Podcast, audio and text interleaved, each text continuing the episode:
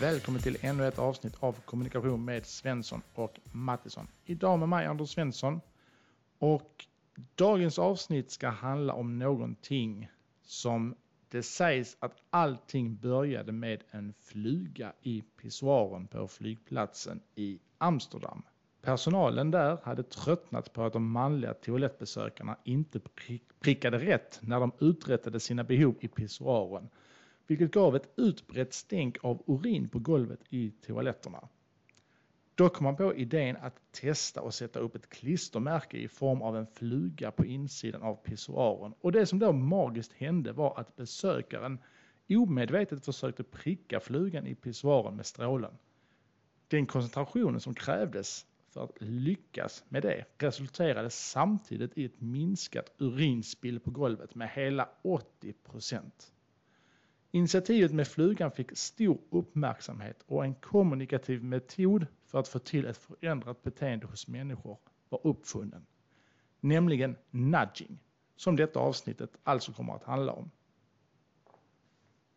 Om anledning av det har vi bjudit in psykologen och författaren Niklas Laninge som gäst i detta avsnittet. Niklas, han är expert på beteendeförändring och just nudging. Och varför nudging är extra aktuellt just nu är ju med anledning av den coronapandemin som större delen av 2020 kommer att handla om och som är högaktuell även nu här under 2021. Och där det har varit just beteendeförändring som har varit i fokus kring all kommunikation som har rört just corona. Och det är sannoliken inte lite. Innan vi kör igång det här snacket med Niklas så vill jag bara påminna om att vi finns på Facebook. Sök på kommunikation med Svensson och Mattisson. Följ oss där om du vill ha våra senaste avsnitt i ditt flöde eller kunna kommentera och interagera med oss. Det går givetvis även bra att skicka ett mail till oss med synpunkter, frågor eller förslag på gäster och ämnen. Mailadressen är svenssonmattisson.hotmail.com. Med det kör vi igång. Här kommer Niklas Laninge. Ha en god lyssning och mycket nöje. Välkommen till kommunikation med Svensson och Mattisson säger jag till Niklas eh, Laninge. Tack så mycket.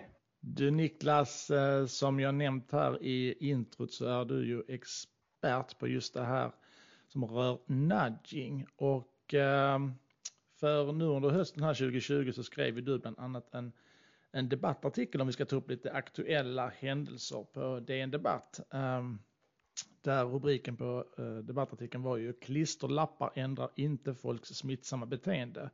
Då med anledning av coronapandemin och så. Ehm, kan du berätta lite grann om, om, reaktionerna ni fick, fick kring den om vi tar det som en liten start?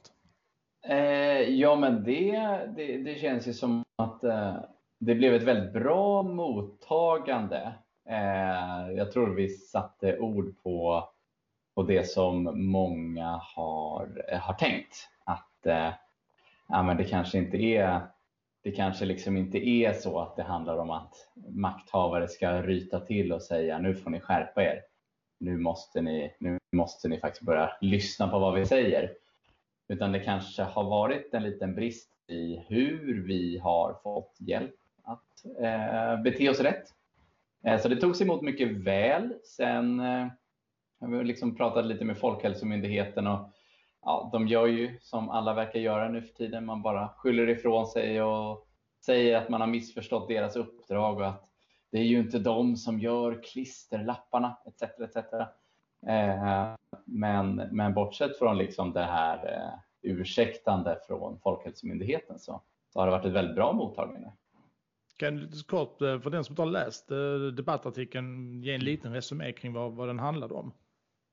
Eh, jo, men det är ju eh, jag tillsammans med tre forskare från Karlstad universitet.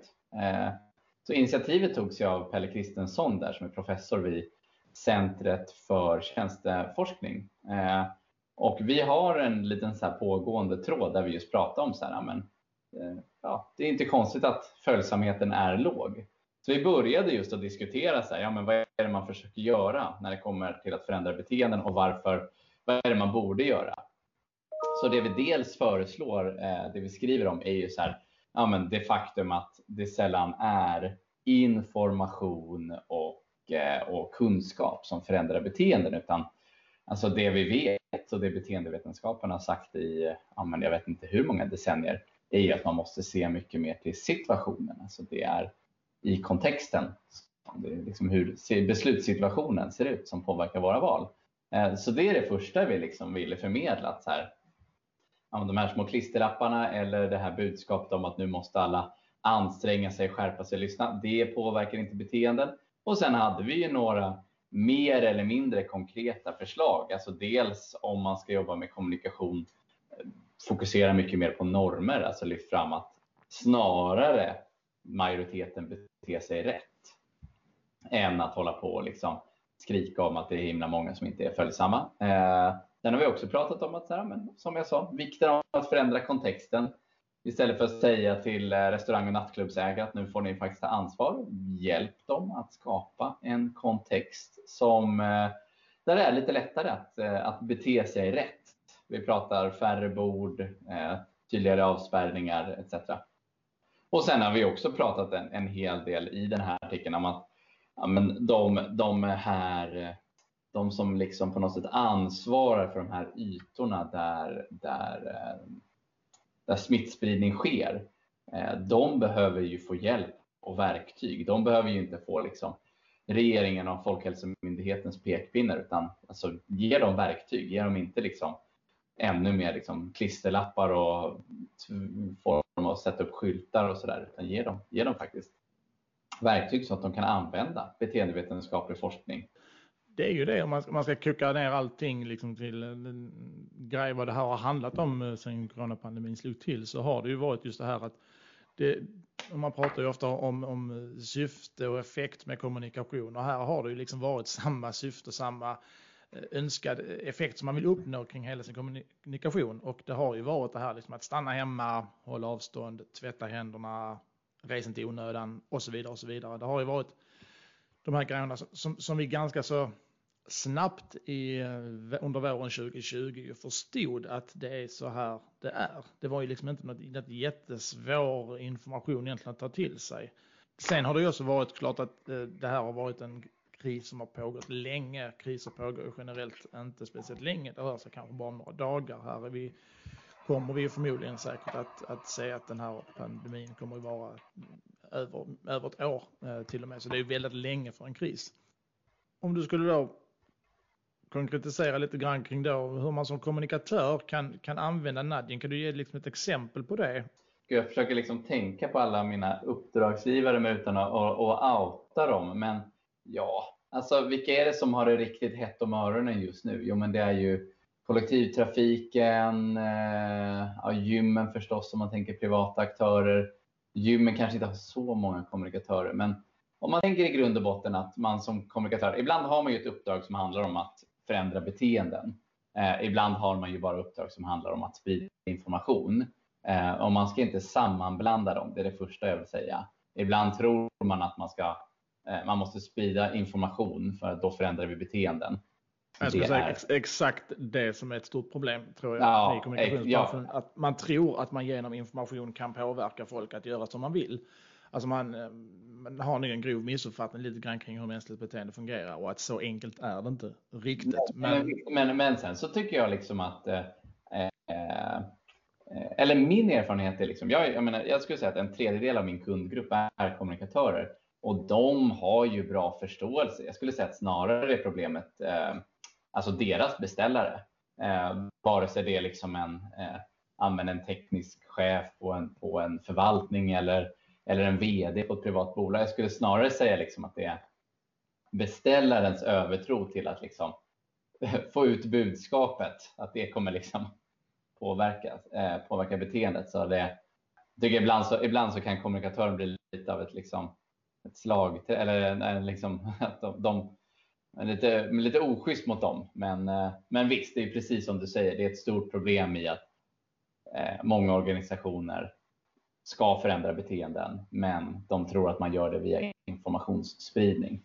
Så det, det är istället som liksom kommunikatörer som arbetar med beteendevetenskap, alltså som arbetar just beteendecentrerat, det är ju snarare att så här, ja, men dels titta på hur kan man ändra till exempel som du var inne på, kommunikationen i det fysiska rummet. Alltså om vi ska få folk att eh, på bussen gå på längst bak istället för längst fram.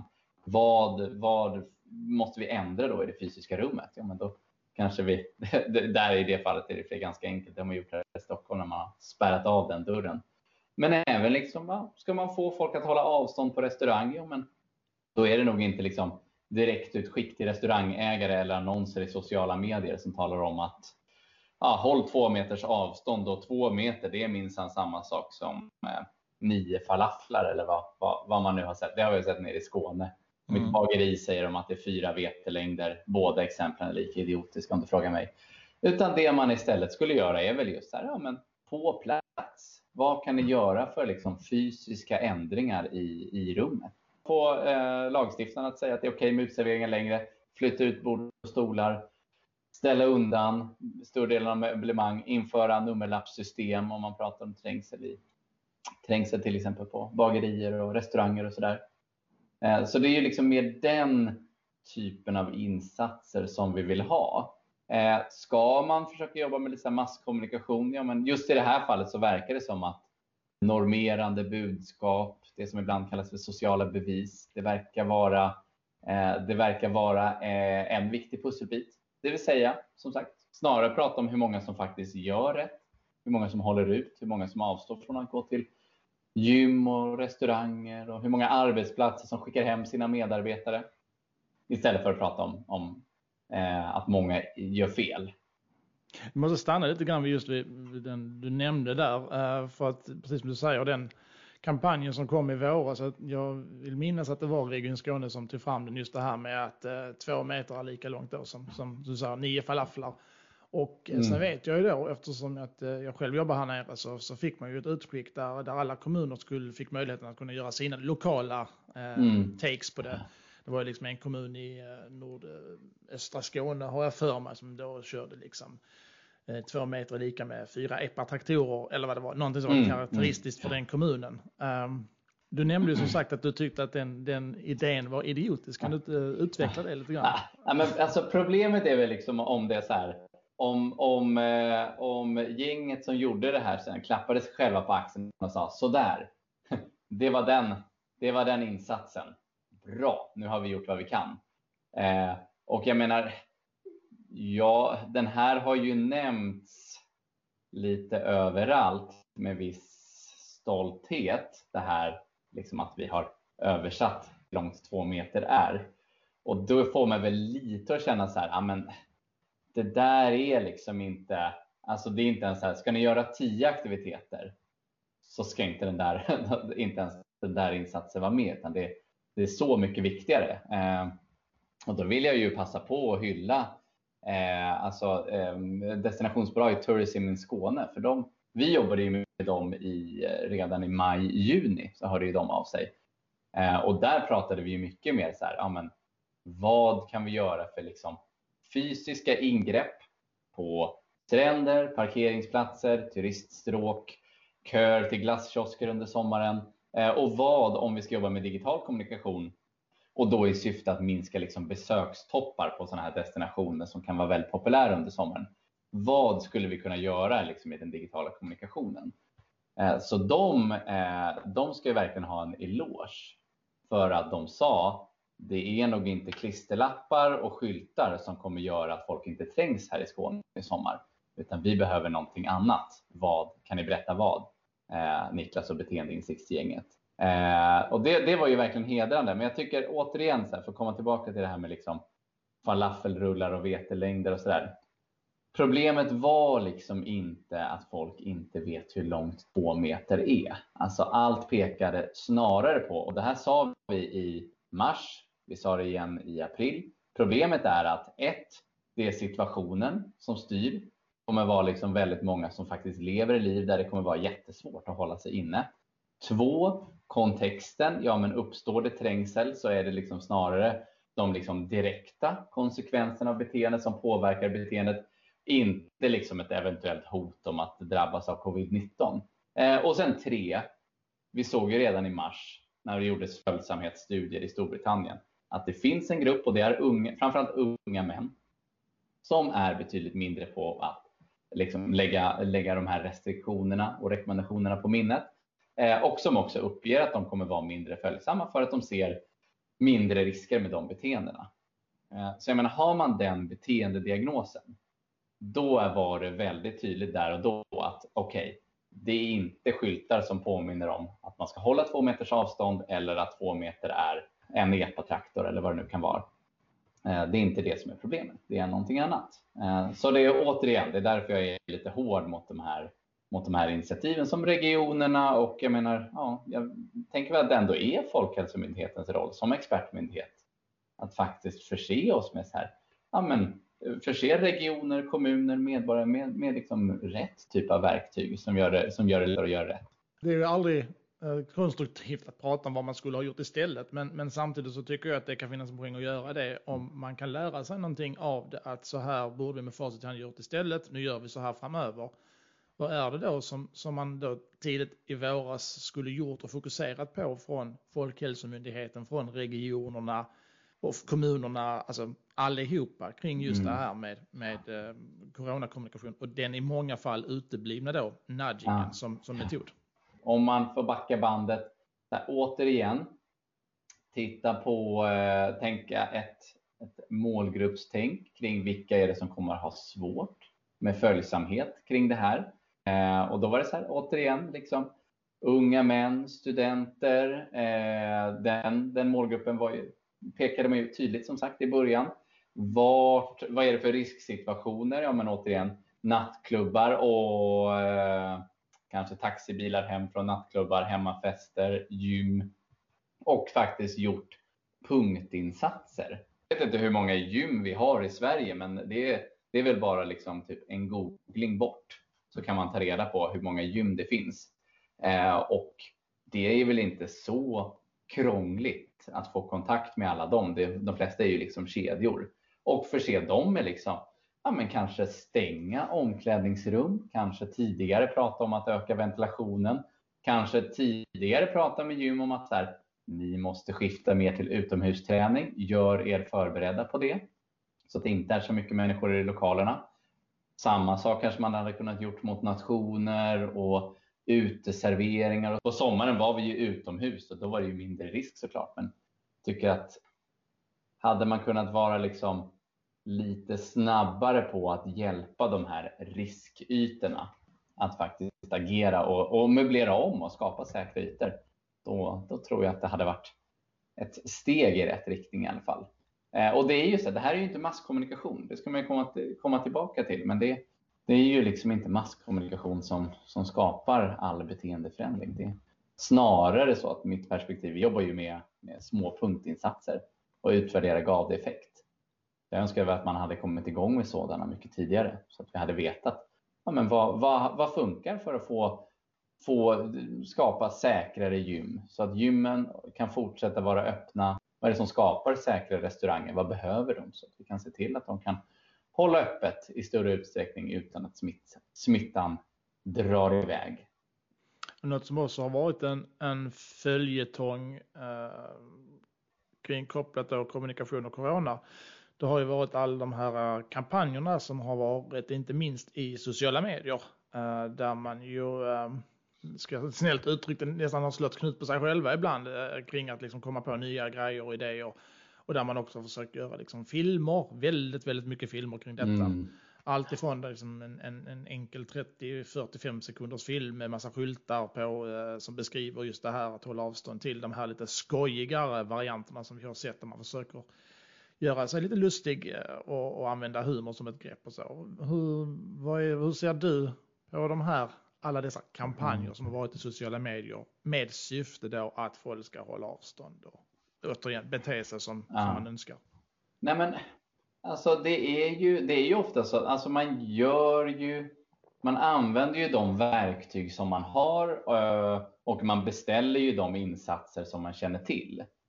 Eh, så det är ju inte konstigt att vi har sett så mycket mycket eh, på de här liksom vanliga, via de här vanliga kommunikationskanalerna. Och Alltså det är ju inte dåligt per se att man faktiskt har gjort det man kan med de verktyg man har. Den enda liksom risken jag ser är väl så här, konkurrerar det här ut andra, kanske mer effektiva metoder, såsom punktinsatser på riskytor, eh, risksituationer. Eh, för gör det det, ja men då, då kanske det inte har varit helt bra att vi har lagt så otroligt mycket tid och pengar på, på att liksom pumpa ut budskap i sociala medier och eh, på annonsytor även i det offentliga rummet. Eh, om det liksom som sagt har konkurrerat ut de här mer beteendebaserade insatserna. Eh, men givetvis i det här läget så, alltså det här, den här pandemin kommer ju tvinga oss att ha ändrat beteende i ja, men både 2021 och 2022 skulle jag tro. Så man måste ju jobba på alla fronter. Men risken som sagt med det här du beskriver är ju det jag ser ju att ja, men man ser det som att nu har man gjort jobbet, nu har man gjort vad man kan. Nu har man i alla fall spenderat sin, sin budget och då finns det inte utrymme för andra potentiellt mer effektiva insatser. Nej, ser du att det ger effekt att köra de här kampanjerna i sociala medier? Ger det effekt?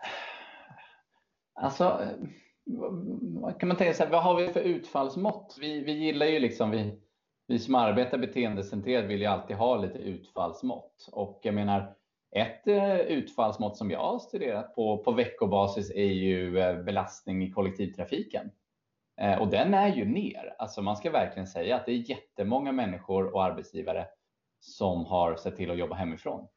Så det är ju 50-60 procent färre människor som reser kollektivt. I, senast tittade jag i Stockholm i alla fall. Jag menar ett annat utfallsmått är ju Eh, Folkhälsomyndighetens dagliga siffror för smittade eh, och dödsfall och den, den går ju snarare uppåt. Vad är det vi ser här? Jo, men vi ser att det verkar ha gett viss effekt på hur vi reser. Eh, men i och med att vi är i en, i en andra våg nu så ett annat utfallsmått pekar på att det kanske inte har varit så så effektivt. Så ja, vet inte hur jag ska liksom bedöma det, men jag menar till syvende och sist så är det viktigaste utfallsmåttet är ju sprid, smittspridning eh, och den är ju på stadig uppgång. Så det får väl vara ett kvitto på att det kanske inte har varit så effektivt, tyvärr. Nej, eh, så är det ju och eh, jag, jag brukar säga att jag, jag tror att hur det har blivit Eh, kring just det här med, med coronakommunikationen som jag tycker att det finns väldigt, väldigt många lärdomar att dra av mm. den. Ehm, så är det ju, som jag ser det, en kombination av två saker. Dels är det en, en uh, okunskap och oförståelse och en övertro på vad sociala medier är och vilket jobb sociala medier kan göra för en. Samtidigt som det är bristande kunskaper och ibland också kännedom kring om det här med nudging och att det faktiskt finns som en väldigt effektiv metod kring just de här sakerna som, vi, som har, hela coronapandemin har handlat om, nämligen mänskligt beteende.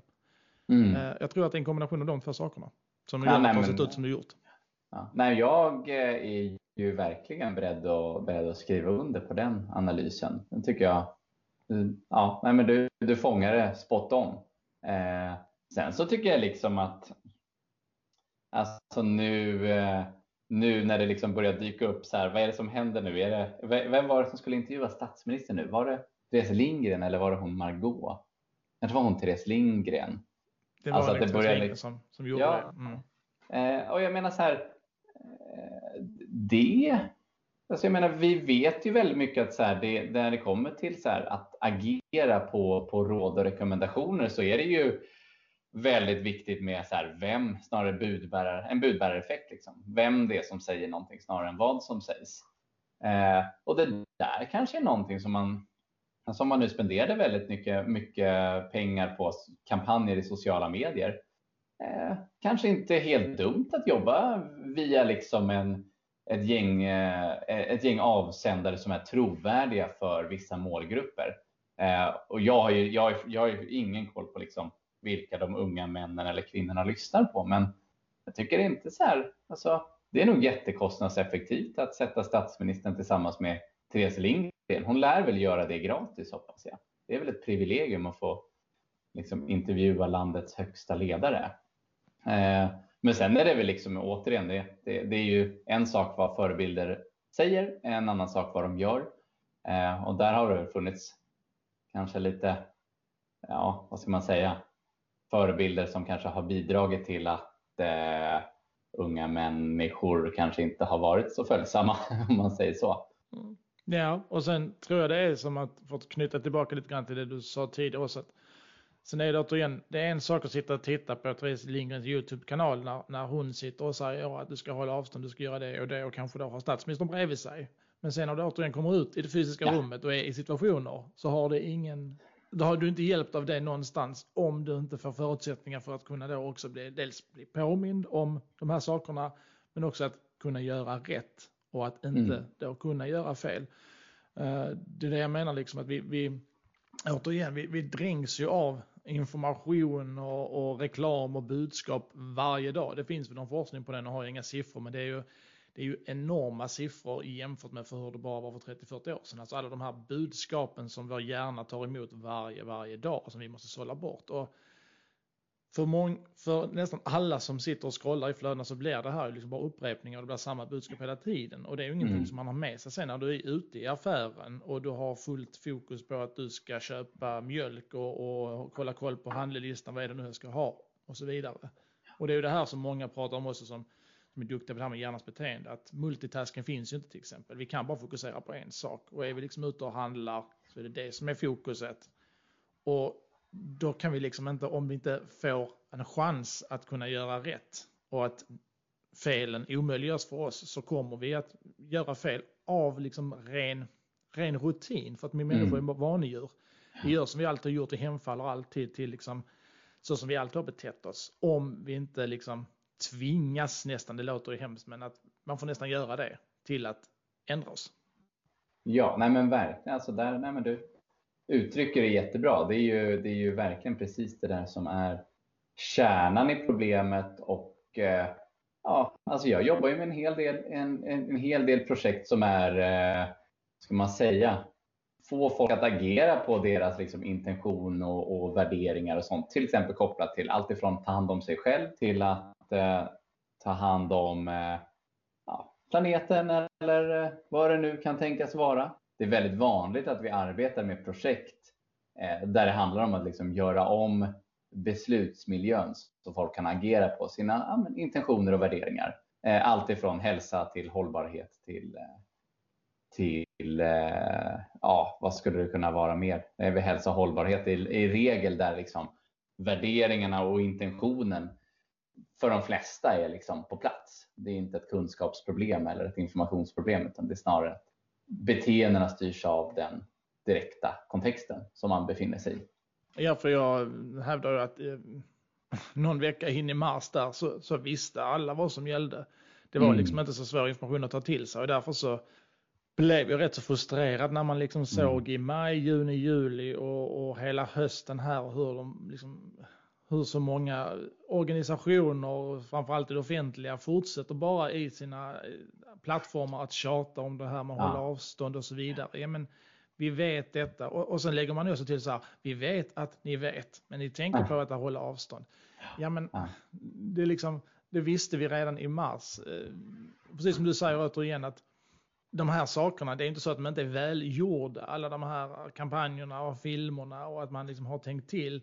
Men återigen, effekten av den, de är ju inte liksom önskad. Du, du kommer inte Nej. uppnå önskad effekt med de grejerna. Och återigen, det tar ju resurserna från det som verkligen hade betytt någonting och hjälpt någonting, nämligen nudging. Och du nämnde också, vet jag du sa, det här att man, man hemfaller ju såklart som, som, som um, kommunikatör till exempel och alla andra yrkesgrupper så hemfaller man ju till till det man alltid har gjort och de metoder man känner till och, har man då tidigare kommunicerat via då eh, klisterlappar, affischer och, och sina sociala medier, ja men då använder man dem även här. Uh, mm. Eftersom man inte känner till kanske nudging, men då får jag vara lite kritisk också mot branschen. Borde inte det här vara någonting som kommunikatörerna känner i, till och har kompetens inom? Just det här nudging, för det är ju trots allt en av flera metoder kring kommunikation. Ja, och alltså nu... Alltså nu ska jag nu. Eh, jag har ju. Oj, vad jag. Jag har ju verkligen pratat inför eh, många kommunikatörer de senaste 11 åren. Jag tror absolut, alltså, det så här, borde de känna till det? Ja, alltså jag tror, eh, jag tror ganska många kommunikatörer eh, känner till termen, de känner till eh, lite begrepp Alltså min första bok Beteendedesign eh, den har ju lästs eller lyssnats på av över 10 000 människor och jag tror många är liksom, har, gjort det, har läst den i, i yrket och att det yrket har varit kommunikatör. Problemet är ju liksom att det är som alla discipliner att, att eh, det är en sak att liksom ha varit på en föreläsning eller en heldagsutbildning. Det är en annan sak att liksom faktiskt göra jobbet korrekt. Eh, och när alla andra på ens arbetsplats eh, ja, men har vissa verktyg man mäts på, man har gjort kampanjer i sociala medier, man ska skapa eh, klisterlappar och skyltar i det offentliga rummet. Ja, men allt det här med att liksom arbeta beteendecentrerat, det kommer ju på någonstans, det blir lite eftersatt då. Man, har, man tar sig liksom inte riktigt tid att, att arbeta med de metoderna Jag skulle nog säga att det är det snarare som är problemet. Att det, är så här, det, det ska gå så himla fort. Eh, och att göra beteendecentrerade insatser, det, det tar tid och det kräver mer än att man bara har gått en heldagsutbildning. Även om den, den har varit med Niklas Laninge. Ja, och tyvärr tycker jag att många hamnar i försvarsställning och, mm. och snarare provoceras till det negativa av den här insikten, den här informationen. För det, för det här är ju trots allt, alltså jag menar du, du är ju liksom utbildad i detta, du är expert på detta området. Det, det här är ju forskning som ligger bakom de här antagandena. Det här är ju inte liksom löst tyckande, vilket jag tycker att effekter och när man pratar om just det här kommunikation och hur bra vissa saker är så blir det oftast väldigt löst tyckande. Det blir tycke och mm. smak. Det blir liksom blått eller grönt, vad ska det vara typ? Och ja. eh, baserar det inte alltid på fakta och också att man är lite faktaresistent. Det är precis som att man, för det här upplever jag också, jag föreläser nämligen också väldigt mycket kring just kommunikation och då framförallt kopplat till sociala medier. Att man ja. vill inte riktigt höra alltid det jag säger för att det är, usch ska jag gå till fakta och titta och förhålla mig till det. Usch, det kommer ju vara jättedålig fakta. Jag kommer ju, det kommer ju visa hur dåligt allting har varit. Nej, men usch, istället för att försöka se det som en nyst. Ja, men okej, fine. Det jag trodde var rätt var fel. Ja, men nu ska jag tänka om, nu ska jag göra rätt. Nu, nu berätta, så, så gör jag det. Men, men man blir väldigt defensiv och det tror jag hämmar hela branschen också. För att precis som du säger, och det, det gör mig också frustrerad när ni liksom tidigt i den här pandemin, redan i liksom våren 2020, är ute och pratar om de här sakerna vitt och brett. Men, mm. men det hörsammas inte från någonstans. Och det är mina intryck också av jag har också suttit i jättemycket möten med kommunikatörer och haft jättemycket diskussioner under hela den här pandemin. Och jag slås varenda gång över hur mycket man fokuserar på de här liksom, sakerna som inte fungerar. Kampanjer, mm. sociala medier, det ska göras filmer, det ska göras schyssta bilder och så vidare. Och när man liksom börjar med nudgingen då så tittar de liksom på en som att man är ett spöke eller bara liksom ja. jobbig och vad, vadå liksom? Nej vadå? Det, det, vi tror det här funkar bättre. Ja. Det, Men det, det är skulle svårt. säga att man, man fortfarande för det är ju liksom, det är ju jättekul att termer som så här faktaresistens kommer upp i de här sammanhangen. Ja, jättes, uh, det, är, jättesynd. För det ska inte ja, vara så, men nej, jag kan inte hjälpa att det är så jag upplever det. Nej, nej men det är... Alltså, nej, men det, det, alltså jag tror verkligen att det ligger någonting i det här. Eh, men sen liksom, du, vet, återigen, om man tittar på liksom mina, mina projekt som jag och mitt team arbetar med. Eh, vi jobbar väl så ganska snabbt skulle sägas, men alltså, man måste ha en viss ödmjukhet för att så här, svåra, svåra eh, beteenden, svåra utmaningar kräver en gedigen analys. Eh, så jag menar, det första vi alltid föreslår när vi, när vi liksom jobbar med ett case, eh, det är ju så här, ja, men, vad, vad, vet ni om den existerande forskningen? Liksom? Hur bra koll på har ni när det kommer till att eh, till exempel få 20-åriga män i, i universitetsstäder att, att liksom ändra sitt beteende, eh, ändra sitt beteende kopplat till hälsa. Eh, och, och, det är ju någonstans där vi vill börja. Alltså vad vet vi funkar?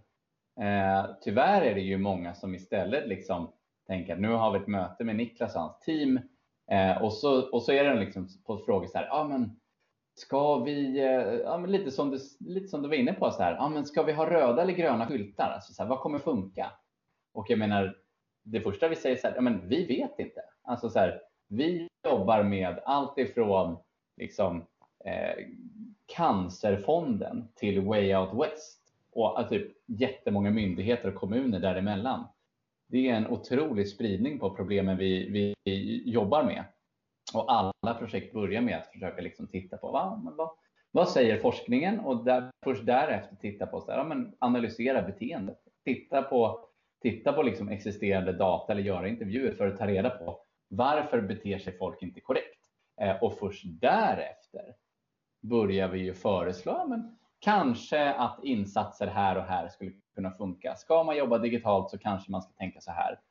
Men eh, de flesta uppdragsgivarna vill ju liksom vara, de vill ju liksom snarare ha ett, en halvdags workshop där de får höra om lite roliga nudges och sen, och sen så vill de liksom att det ska bli digital kommunikation dagen efter. Eh, och det är ju inte riktigt så det funkar. Vi är ju liksom inte, vi är liksom inte beteende-Google utan vi måste också göra vår research för att förstå vad är det som gäller för just det här beteendet i den här kontexten. Det går inte att ha formulär 1A för att ingen situation är den andra lik. Uh... Nej, nej men, nej, men verkligen. Uh, däremot så, så här, ja, men, jag vill verkligen liksom, uh, slå ett slag och, och hylla liksom alla, alla inom akademin, inom den beteendevetenskapliga forskningen som faktiskt har sett till att det finns jättemycket insikter kring Alltså både, det har forskats galet mycket under den här pandemin, men även, men även tidigare så, så finns det ju jättemycket intressanta fynd kopplat till allt ifrån så här, skifta positionering i kollektivtrafik till att få eller till frågor som typ ungas kostvanor eller hur vi spenderar pengar. Det finns otroligt mycket bra forskning. Sen finns det otroligt mycket dålig forskning och det är liksom upp till mig och mitt team att kondensera de insikterna till någonting som vi kan använda för till exempel kommunikation. Vad finns det för, nu har vi pratat mycket om möjligheter kring nudging och hur man kan nyttja det. Vad, vad, vad finns det för risker förenat med, med att använda nudging som, som metod? Oh, ja, jättemånga höll jag på att säga, men eh, jag tycker att, att, det här vi har pratat om lite med att, så här, att man eh, kör stenhårt på till exempel kommunikation i, i sociala medier för att det är det någonstans man har fått för sig funkar det man kan. Jag tycker att det finns en liten risk nu när vi är liksom inne i den här eh, liksom nudge-diskursen då, då det, blir, då det blir allt mer populärt, det här perspektivet. Att man ser det som en så one size fits all. Att det kan liksom vara så här, jag, vill inte hänga ut några uppdragsgivare, men ibland så kan det liksom komma projektbeskrivningar i stil med så här, ja men vi vill eh, vi vill få eh, eh, våra kunder till banken att eh, acceptera våra villkor om hur vi får använda deras data. Eh, kan inte, vilka nudges kan vi göra så att de gör det? Eh, och det första är så här, ah, kanske lite oetisk användning och för andra så här, sannolikt inte ett så pass enkelt beteende att en liten nudge skulle kunna göra någon skillnad. Så det skulle jag säga är den, den första risken, att man ser det som en så här one size fits all lösning. Eh, den andra risken är ju lite som jag varit inne på och som jag har gjort mig själv skyldig till. Eh, I takt med att böcker som min egna eh, eller boken Nudge för den delen, att de blir allt mer tillgängliga. Och de är ju väldigt lösningsfokuserade. De pratar ju väldigt mycket om så här, roliga typer av nudges som förändrar beteenden. Att man bara liksom tar eh, de lösningarna utan att liksom titta på analysen som låg bakom sagda lösning och så försöker man nudga, tillämpa det på alla möjliga problem. Eh, och effekten kommer ju utebli, varpå man sannolikt kommer säga, att ah, det där med nudging kanske inte var, var så himla bra ändå. Det funkade ju inte för oss. Så det skulle jag säga är en, en, en till risk. Och, eh, ja, men, och, och, lite på samma tema som en tredje risk är väl att alltså, nu när, när alla pratar nudging, men jag skulle säga att de projekt som jag och mitt team jobbar med är kanske till 20 procent handlar om att få fram lite smart, smarta liksom nudges i kommunikation eller i produkter. Eh, men det finns ju liksom en mängd andra jättebra beteendebaserade insatser som, som är mer gynnsamma för vissa typer av problem. När alla pratar nudging så tenderar ju de insatserna som inte är lika, lika säljiga eller lika lätta att förstå, de, då tenderar ju de att liksom falla lite i skymundan, vilket jag tycker är synd. Ja, för sagt, mänskligt beteende är ju det absolut svåraste att ändra eh, och det kräver ju verkligen sin läxa. Och det, eh, jag vet, jag har gjort lite research kring det här med nudging, läste bland annat en liten forskningsrapport från en eh, en som heter William Hagman. Han är forskare inom psykologi och beteende vid Linköpings universitet och han har ju skrivit en avhandling om de här sakerna och han skriver också det här att nudging kan i värsta fall uppfattas som av, av de som av människor som att man försöker manipulera dem uh, till ett mm. visst beteende som de inte själva liksom är, är förmögna att vara medvetna om och då blir man ju också fientligt inställd till de här sakerna. Och just det här att risken med nudging, alltså funkar inte nudgingen så kan det måste ge ordentliga bakslag och rejäla konsekvenser för saker och mm. ting. Och eh, jag vet inte om det var William eller någon annan som tog upp det här exemplet, men det här är lite intressant om vi ska prata om just det här med hur staten kan, kan använda nudging på fel sätt. När har jag hittat ett exempel, jag vet inte om du känner till det här, det får du, får du berätta. Ah. Men det är ju Chile. Ehm, ehm, och exempel på när statlig styrning då och eh, när man har använt nudging gick fel. Ehm, oh, berätta mer. Chile skulle ju tydligen, eh, staten där skulle ju ändra reglerna för att försöka få fler att donera sina organ då efter att man har, har dött då. Det var ju liksom själva syftet och effekten man ville uppnå. Vi vill ha fler som ska donera sina organ. Och då såg man det istället som att istället för att låta invånarna eh, själva ge sitt medgivande till organdonation, vilket man då, det var, det var liksom det som rådde då, mm. så ville man ändra på, på reglerna och att istället så skulle det vara att alla invånares organ skulle gå till donation efter att de avlidit, om de inte själva aktivt sa nej till detta. Just det. Och reaktionen hos medborgarna blev ju då att man upplevde det som att staten försöker stjäla deras organ. Och det slutade ju med att fler skrev ut sig från donationsregistret än de tidigare skrivit in sig. Det vill säga den här nudgingen minskade organdonationerna, mm. ökade inte dem. Så det blev helt tvärt emot effekt vad man vill uppnå. Ja, alltså den där är ju, eh, det känns som att jag skulle vilja liksom eh, studera den där datan eh, lite, lite i detalj och de långsiktiga effekterna. Det, är, det finns ju absolut jättemånga, alltså det finns ett annat sådant exempel som, eh, som, som inte är liksom lika blodigt allvar, men det var ju eh, ett universitet i, eh, i Danmark som införde så här köttfri dag på restaurangerna i campus. Inte så mycket kanske av en nudge i och för sig, för det är lite mer så här, ja, men en annat stycke beteendedesign, att man ja, men förbjuder, man gör ett visst beteende förbjudet under en period. Eh, det blev ju också kontraproduktivt, precis som i ditt exempel, i det att alla gick ju istället ut till foodtrucksen som stod på campus och konsumerade mer kött under de köttfria dagarna. Eh, dessutom kött i, eh, som serveras i så här engångsförpackningar. Så det, det blev ju liksom en dubbelstöt eh, kan man ju säga. Eh, men just den här organdonation, det finns också så himla många bra exempel på när man har gått över från, från, eh, från ett ja-register till ett nej-register. Jag skulle vilja titta på hur det ser ut i, i Chile nu. Eh, men, men absolut, det finns ju jättemånga Eh, effekter. Det finns jättemånga exempel där man utan någon vidare analys har sagt ja men, ja, ja, men som det här, ja, default att eh, organ ska vara default, vi kör. Eller kött ska vara förbjudet en dag eller eh, en annan som jag såg var studentkorridorer i Storbritannien som började ge liksom återkoppling till alla studenter hur mycket de duschar, hur mycket vatten de gör av med och, och jämföra det då med, med eh, medelvärdet för, för folk som bodde i samma studentkorridor, nej, så samma bostäder. Eh, och det blev också kontraproduktivt. För alla som duschade, redan tog ganska korta duschar och således gjorde av med lite vatten. De började ju helt plötsligt duscha mer. För att de på något sätt tänkte att ja, men då är det ju fritt fram till att unna sig lite längre duschar.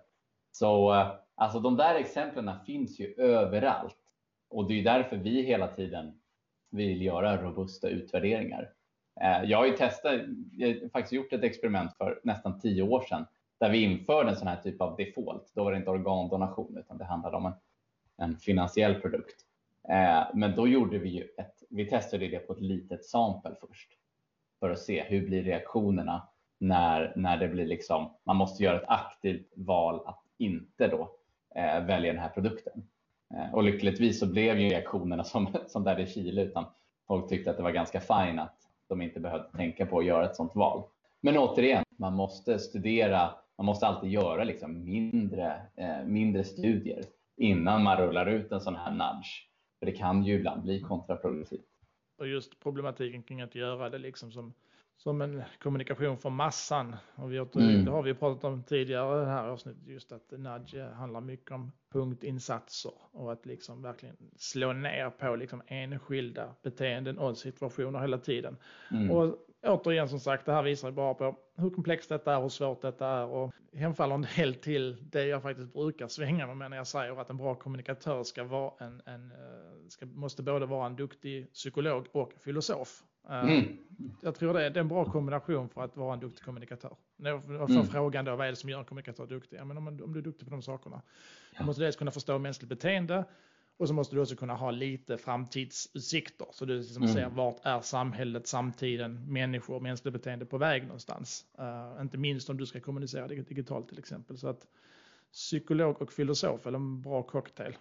Ja men, ja men gud, verkligen. Eh, det är ju som en sån där drömdubbelexamen också skulle jag säga. Man liksom Ja. både har läst psykologi och det finns nog några sådana såna där ute. Säkert till och med några kommunikatörer som, som besitter, besitter de här eh, formella utbildningen i båda ämnena.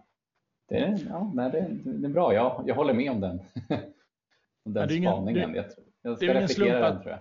Ja, nej men gör det. Det är ingen copyright på den. Eh, och, eh, det är ju ingen slump som sagt att Facebook tog till det sättet för, för länge sedan när man anställde en massa psykologer och beteendevetare för att just forma plattformen. Hur får vi folk att stanna längre på Facebook och klicka runt och så vidare. Det är ingen slump att man tog hjälp av, av den professionen då. eh, Nej, visst. Eh, sen jag läste faktiskt en intervju nyligen med eh, Jack Dorsey, han som grundade Twitter.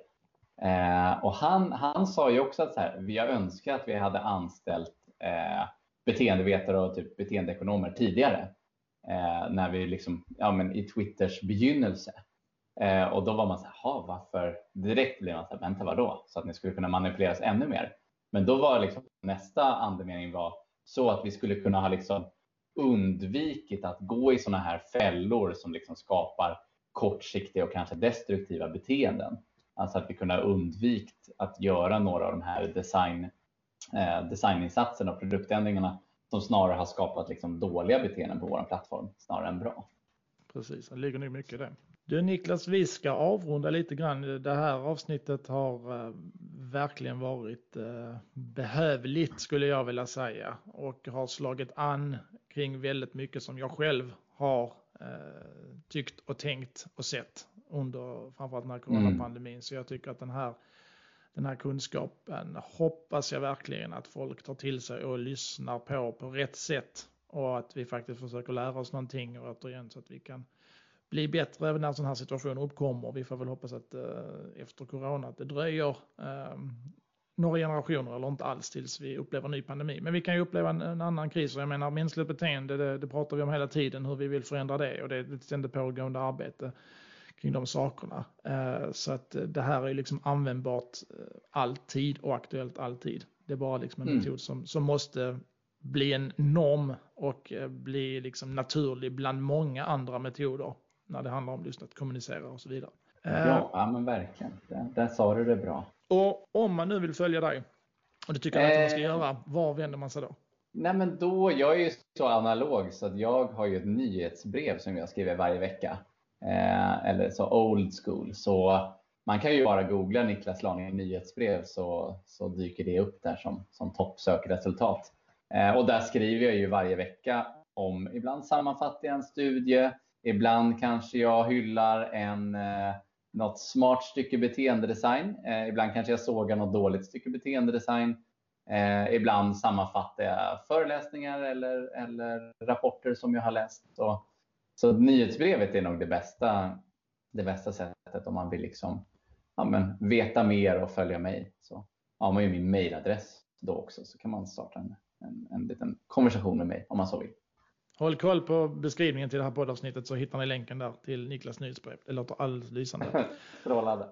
Du, stort tack Niklas för att du tog dig tid och delade med dig av dina, dina kunskaper.